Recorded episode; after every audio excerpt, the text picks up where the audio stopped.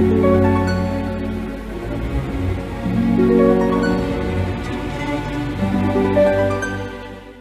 Gemini, saya dengan Madam Aza. Kita bacakan sekarang kartu tarotnya. Yang pertama adalah untuk karir, bisnis, finansial, ataupun peruntungan Gemini.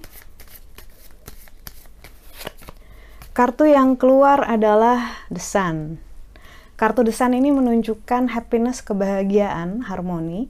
Digambarkan oleh dewa-dewi yang bermain harpa di taman ada matahari bersinar hangat. Ini menunjukkan insya Allah antara harapan dengan kenyataan akan sejalan. Karena itu semoga minggu ini kamu pun memanfaatkan energi yang bagus ini ya. Karena kartu desan ini adalah kartu yang paling bagus, paling hangat membahagiakan dari seluruh jajaran kartu major arkana yang saya gunakan. Kartu desan ibaratnya menunjukkan bahwa keinginanmu dan keinginan semesta gitu, insya Allah selaras. Jadi kalau misalnya ada yang mau diupayakan, mau ngelamar kerja, mau mulai bisnis, mau belajar sesuatu gitu. Yuk disegerakan segala hal yang baik buat dirimu. Lalu untuk percintaan, relasi, Gemini, kartu yang keluar adalah The Hermit. Ketika kartu The Hermit keluar, ini adalah tentang seorang pertapa yang bijaksana gitu ya.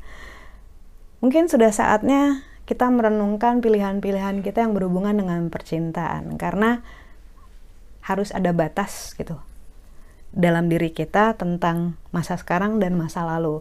Kartu The Hermit ini intinya energi yang saya tangkap untukmu Gemini adalah untuk mulai menjalani hari ini dan masa depanmu dengan baik tanpa terbawa beban, tanpa terbayang-bayang beban dari masa lalu. Ini bukan cuman maksudnya beban gitu ya, tanda kutip beban, tapi juga uh, trauma, hal-hal menyakitkan hati, hal-hal yang mungkin susah untuk kamu lupakan gitu. Katanya semakin kita berusaha melupakan justru maka makin susah.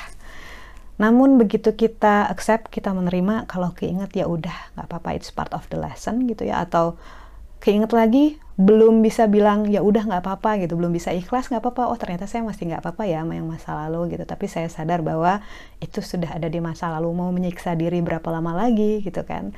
Nah kartu The Hermit kali ini yang keluar nasihatnya adalah tentang untuk melepaskan masa lalumu agar kakimu tidak terbelenggu di masa lalu entah itu rasa sedih, rasa kecewa, trauma, pernah disakiti ataupun kekhawatiran apa pun gitu ya.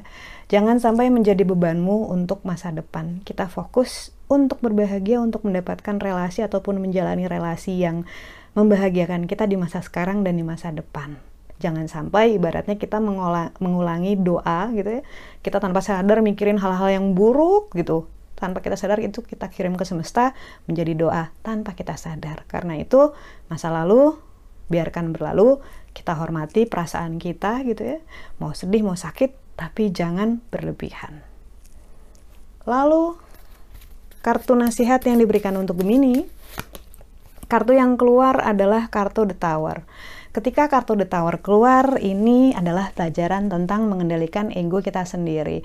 Terkadang ya, Gemini ini pengennya idealis segala sesuatu pengen sesuai dia dengan semestanya di dalam kepala dan rasanya sendiri gitu. Karena itu terkadang agak sulit untuk menerima perbedaan yang jomplang dengan uh, keadaan di dunia nyata ataupun orang di sekitar. Mungkin kamu pengennya 100 tapi sekitar baru bisa mengizinkanmu 80 gitu. Dan buatmu ini adalah kekecewaan gitu ngerasa bahwa wah kok nggak bisa sih? Kan saya udah berusaha kan saya sudah memaksimalkan ini itu gitu ya. Nah nasihat yang diberikan adalah tentang ego. The tower ini menunjukkan menara tinggi yang menjulang. Dia hebat gitu dia tinggi gitu ya bisa lihat ke bawah gitu. Lalu kemudian disambar petir. Ini adalah masa-masa kita diajarkan tentang kedewasaan kebijaksanaan tentang rendah hati gitu bahwa segala sesuatu nggak selamanya loh harus sesuai dengan keinginan kita. Nggak ideal menurut kita bisa jadi ideal menurut orang lain ataupun yang terbaik untuk masa tersebut gitu ya. Nggak berarti bahwa kamu salah sama sekali nggak, tapi bisa jadi dengan apa yang sedang dihadapi sekarang ataupun didapatkan yang sekarang itu justru adalah yang paling baik buat kita. Tapi karena kita menaranya ketinggian nih, kita ngelihatnya dari tempat yang terlalu tinggi, kita nggak bisa melihat bentuk aslinya seperti apa kita sangka musibah padahal itu adalah berkah gitu. Karena itu nasihat yang diberikan untukmu adalah uh, kita kerap lupa bahwa kalau misalnya kita melihat sesuatu dari jauh, perspektif kita itu bisa jadi berubah. Karena itu dengan cara membumi, dengan cara rendah hati, dengan cara apa pun yang sedang diberikan kepada kita, kita jangan judgement dulu, jangan nganggap ah ini kan nggak bagus, ah ini kan nggak seperti yang saya pengen gitu. Coba kita nikmati dulu, coba kita lihat dulu, coba kita terima dulu. Siapa tahu seperti tadi, yang kita anggap kesalahan, yang kita anggap sebagai musibah ternyata adalah berkah yang diberikan Tuhan buat kita. Lalu kita akan selalu berbahagia karena kita bisa belajar untuk bersyukur dalam setiap segala kesempatan. Sekian bacaannya, semoga bermanfaat. Kita doakan yang terbaik saja untukmu. Semoga sehat selalu, panjang umur, kaya raya, bahagia, berkelimpahan segala hal yang baik dari Tuhan Yang Maha Esa. Terima kasih bantu saya dengan cara di klik like-nya, subscribe, share, dan juga komen.